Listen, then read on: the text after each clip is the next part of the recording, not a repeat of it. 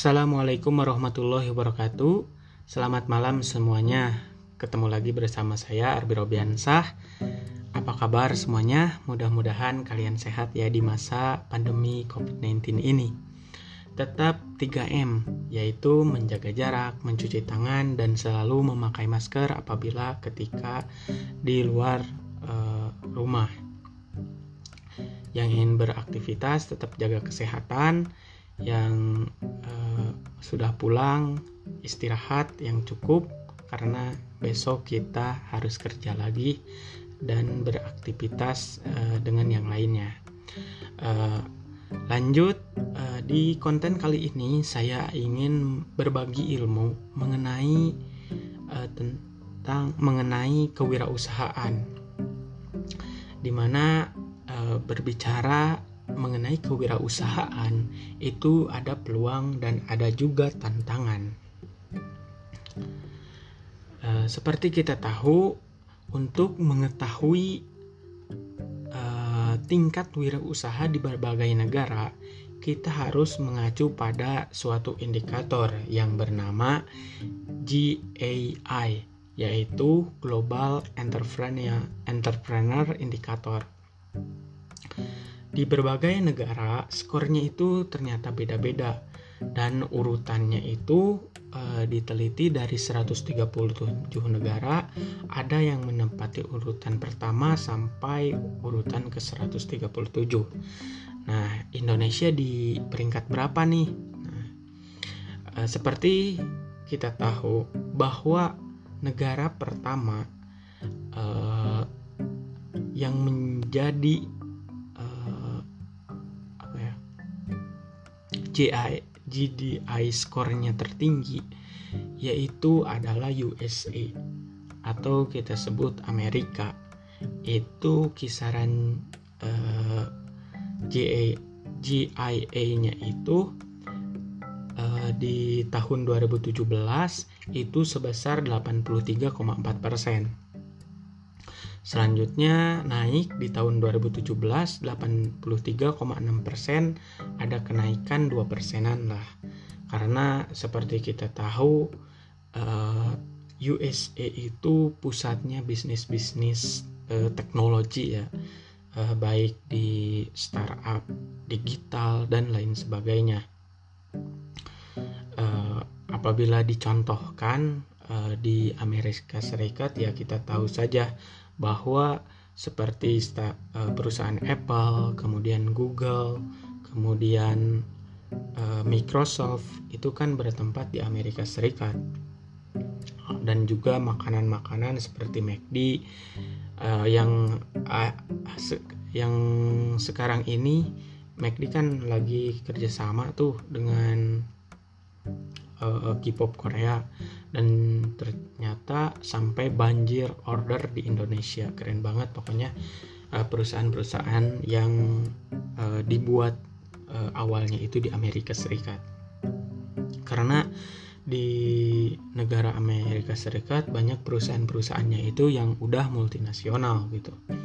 Kemudian uh, apabila kita beralih ke negara-negara Asia itu pertama uh, yang saya sebut ke satu itu adalah Thailand. Thailand itu menepati urutannya itu ke 65 dari 137 yang diteliti dengan skor GAI skornya itu 27,1 di tahun 2017 dan kemudian naik di tahun 2000 18 yaitu 27,4 persen. Ada kenaikannya itu sekitar 3 persenan. Kemudian di Malaysia itu menepati urutan ke-54 dengan GAI skornya itu 33,4 persen itu menurut data di tahun 2017 dan kemudian naik di tahun 2018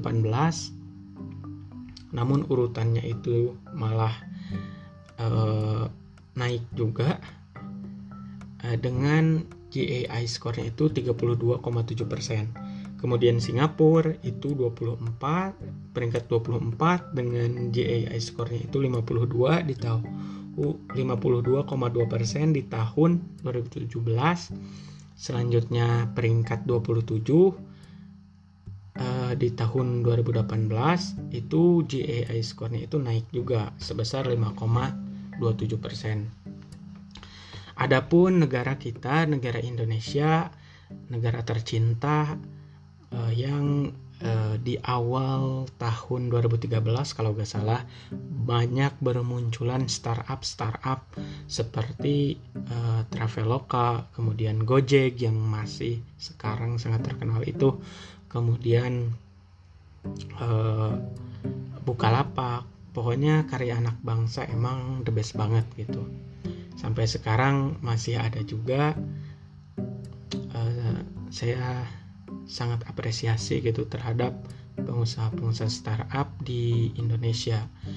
Saya pun uh, di sini juga awal meniti karir itu di perkuliahan yaitu dengan membangun suatu startup. Karena saya jurusannya di perkuliahan itu agribisnis yang mewajibkan membangun suatu perusahaan perusahaan rintisan maksudnya. Dan alhamdulillah berbagai pendanaan saya juga dapat ya ketika merintis startup.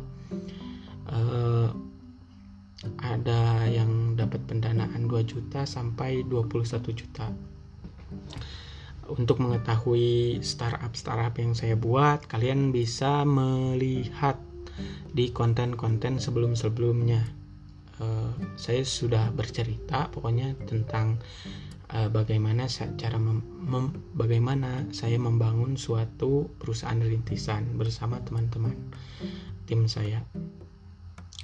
Uh, lanjut ke uh, GAI uh, Indonesia ternyata menempati peringkatan peringkat 90 dari 137 yang diteliti dengan GAI skornya itu 27,2 kemudian uh, naik ke 94 dari 170 137 GI score dengan 20,7 persen di tahun 2018. Nah, dari kesimpulan GAI ternyata Indonesia harus meningkatkan jumlah perusahaan gitu, perusahaan-perusahaan maupun orang-orang yang ingin sekali berwirausaha.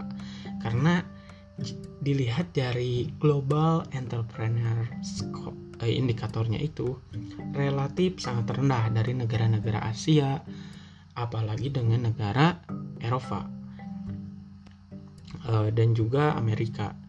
Nah, salah satu eh, yang harus dikuatkan itu adalah wirausaha. Karena wirausaha itu merupakan pilar pendukung perekonomian suatu negara. Kita mengacu aja pada pilar eh, panca, tiga pilar Pancasila, BUMN, koperasi dan pengusaha atau kita sebut juga wirausaha. Nah, ini harus menjadi eh, apa ya pilar yang sangat kokoh dan kuat di Indonesia. How to be a success the pertam pertam the first you uh, capacity of hard work kamu bu kamu punya kapasitas untuk bekerja keras. Selanjutnya adalah getting things done with the true people. Uh, dan ketiga good efficiency, kemudian self confidence, kemudian making some decision, kemudian kamu memiliki college education dan berambisi drive and terakhir kamu ability to communicate dan you will be success. Uh, ada suatu ungkapan yaitu attitude is everything change your attitude and your life would be changed. Nah jadi sikap itu adalah segalanya. Dengan bersikap kamu akan mengubah segalanya. Baik sikapmu baik akan berubah menjadi baik. Buruk akhirnya pun akan buruk. Jadi tergantung sikap apalagi menjadi seorang entrepreneur yang sukses. Menjadi seorang entrepreneur yang sukses itu semua orang, setiap orang baik lulusan eh, SD sampai jenjang karir S3 bisa menjadi seorang wirausaha. Pertama, kamu harus mempunyai suatu bribe untuk start uh, from zero jadi kamu harus punya keberanian untuk memulai uh, meskipun itu dari nol gitu. Karena kalau misalkan dimulainya dari nol, kita itu bakal tahu tahap-tahap ketika kita merintis suatu uh, usaha gitu. Dan kita gak gampang apa ya, gak gampang nyerah apabila kita memulai dari nol karena kita sudah menikmati pahit, buruk maupun tersiksanya memulai usaha dari nol. Istilahnya kalau secara aprintisan itu membakar uang lah. Seperti itu. Kemudian yang kedua, musuh utama ketika berwirausaha adalah diri kita sendiri. Jadi kita bukan uh, orang lain. Jadi musuh utama itu adalah diri kita sendiri. Apakah kita ini memiliki niat? Apakah kita ini memiliki passion untuk menjadi seorang wirausaha? Nah, ini harus didiskusikan dengan diri sendiri. Kalau bisa, jangan lupa beribadah pula kepada uh, Tuhan, karena dengan bantuan Tuhan semua akan menjadi lebih baik. Kemudian menjadi uh, seorang wirausaha itu cukup dengan berpikir sederhana atau simpel. Jangan terlalu rumit-rumit. Seder yang sederhana-sederhana saja. Kemudian menjadi seorang wirausaha, kamu itu jangan selalu mengat uh, dari perkataan ya. Jangan selalu mengatakan tidak bisa atau tidak mungkin. Tapi uh, possible atau uh, mungkin atau belum bisa itu menurut saya pribadi jadi mengajarkan otak kita itu untuk memiliki mindset yang positif gitu. Gak uh, apa-apa langsung nyerah seperti itu. Kemudian menjadi seorang wirausaha juga jangan berpikir selalu harus uh, apa ya ada modal. Ternyata bukan modal untuk menjadi seorang bukan modal uang untuk saya tahu. Maksud saya begini jadi bukan modal uh, yang difokuskan tetapi kamu harus membangun suatu kepercayaan dan keberanian untuk memulai. Nah untuk modal itu uh, kamu bisa mendapat suatu pendanaan pendanaan uh, karena kamu memiliki kepercayaan kepada investor, kamu kamu memiliki keberanian untuk mempresentasikan oh, usaha kamu ke investor. Saya yakin kamu bakal diberikan suatu uh, suatu pendanaan baik kecil sampai besar tergantung dari bisnis kamu. Kemudian seorang wirausaha itu kamu harus memiliki keberanian untuk tampil beda dan unik, tidak mengikuti uh, apa ya hal-hal yang sama gitu. Kamu harus lebih unik usahanya, lebih beda gitu dari karakter orang-orang uh, dari yang lain. Semua bisa menjadi wirausaha, uh, yaitu Pertama, dimulai dari hal-hal kecil dan sederhana. Kemudian, kamu harus fokus, tidak boleh dibuat sampingan karena kebanyakan begini. Menjadi seorang wira wirausaha itu tidak difokuskan sebagai tujuan utama karena eh, yang saya lihat itu takut mengambil resiko yang cukup besar gitu ketika ingin mengembangkan menjadi perusahaan besar. Jadi kebanyakan menjadi seorang wirausaha itu pasti sampingan sehingga usahanya itu ya itu-itu gitu-gitu aja gitu stagnan. Kemudian dari produknya itu harus spesifik. Artinya itu fokus banget gitu. Sulit ditiru dan memiliki keunikan. Kemudian berorientasi pada konsumen. Jadi jangan ber akhir-akhir ini kalau dibilang waktu dulu kan berorientasinya itu pada produk ya. Maksudnya pada produksi. Produksi besar pasti konsumen ada. Nah beralih ke uh, era sekarang di mana kita itu harus berorientasi pada konsumen. Karena konsumen adalah raja raja kita Kemudian perbanyak jaringan atau networking terkait dengan bisnis yang akan dilakukan. Kemudian carilah peluang dan waktu yang tepat untuk memulai mengembangkan suatu bisnis. Ada sifat-sifat uh, pribadi seorang wirausaha yang sukses. Pertama, itu memiliki visi. Visi itu kamu itu melihat apa yang tidak dilihat orang lain jadi kamu itu udah membayangkan gitu. Dan ditulis bayangan itu. Kamu harus menjadi pengusaha ini uh, di tahun berapa itu ada uh, plan. Kedua yaitu memiliki sifat keberanian. Nah keberanian itu dimulai dengan kemampuan kamu bertindak walaupun kamu sering ada ragu-ragunya yang begitu besar ketiga, kamu harus memiliki kreativitas. Kreativitas itu kemampuan berpikir lain dari kebanyakan orang. Jadi kreativitas itu uh, memudahkan eh, orang-orang uh, sebenarnya, membantu orang-orang dengan adanya suatu kreativitas. Selanjutnya tahan kritik. Jadi menjadi seorang pengusaha itu harus tahan kritik karena menurut saya ya uh, dari slide juga sudah ditulis yaitu tidak ada satupun orang yang sukses yang tidak dikritik. Pasti ada komentar.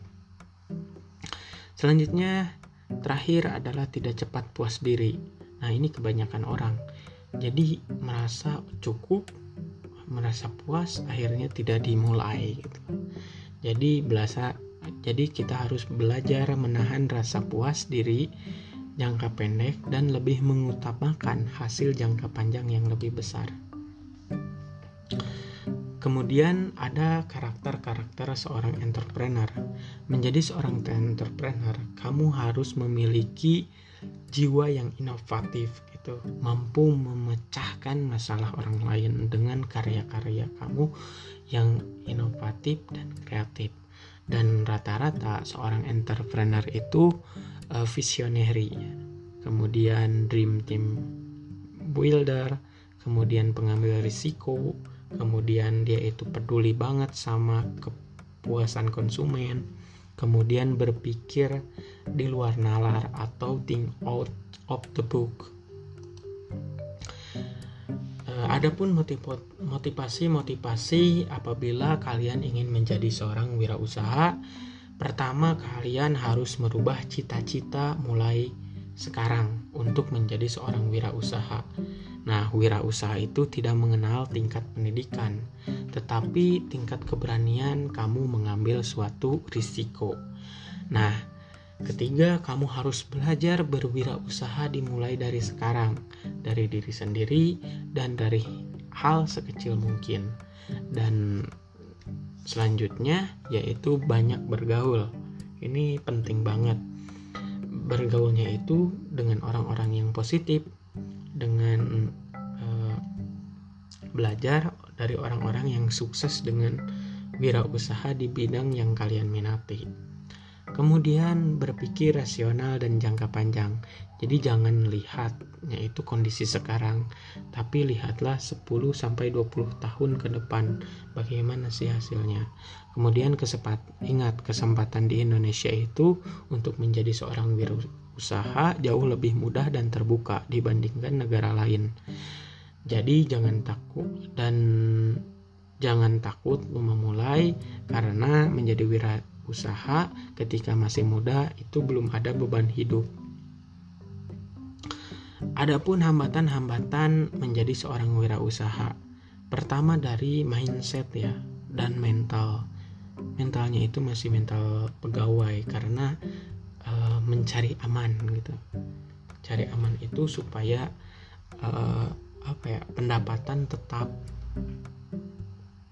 tidak mengalami kerugian seperti itu. Kemudian ada hambatan mental lahir batin seperti adanya jabatan, income, status, penampilan, pendidikan dan sebagainya. Kemudian takut mengambil risiko jadi tidak berani banget itu mengambil risiko karena takut gagal kemudian selalu beralasan tidak ada modal dan dana padahal akhir-akhir ini di Indonesia kan booming banget pendanaan-pendanaan untuk perusahaan rintisan atau kita sebut startup. Kemudian hambatan selanjutnya yaitu maunya untung besar dan tidak mau kecil. Nah, kalau saya pikir jangan selalu mengedepankan uang e, keuntungan yang besar. Lihat aja orang-orang China ya, orang-orang Tiongkok maksud saya. Dia itu mengedepankan uh, keuntungan yang kecil tapi uh, si produknya itu dibeli secara berkelanjutan. Dan uh, akhirnya bisa mencapai uh, keuntungan yang besar seperti itu. Pola pikirnya seperti itu sih kalau opini saya ya. Selanjutnya mereka itu patah semangat atau kapokan. Jadi kalau kapok kapokan dikit ya menurut saya jangan jadi pengusaha gitu jadi pegawai saja. Karena menjadi pengusaha itu ya harus mengalami suatu kegagalan. Dan kegagalan itu kita bang membuat kita untuk bangkit gitu ke step selanjutnya. Jadi pernah gagal tetapi tidak mencau eh, tidak mencoba lagi sama aja itu dengan menyerah kalau menurut saya.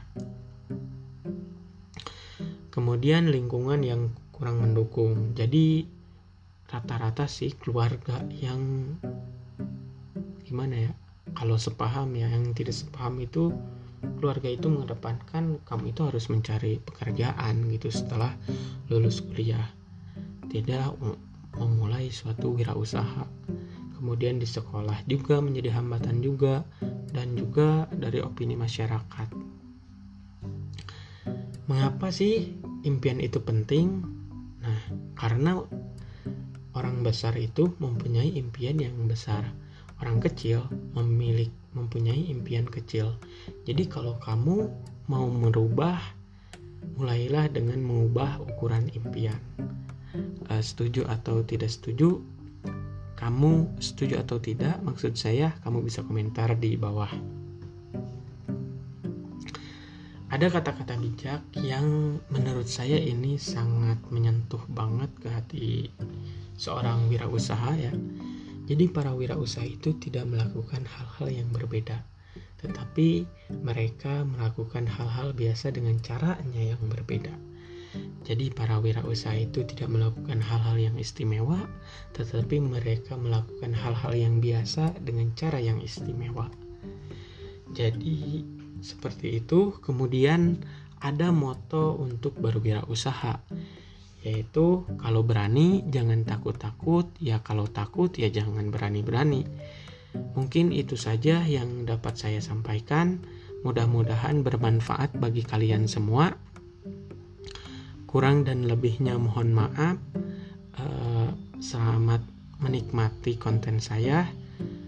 Uh, terima kasih. Wassalamualaikum warahmatullahi wabarakatuh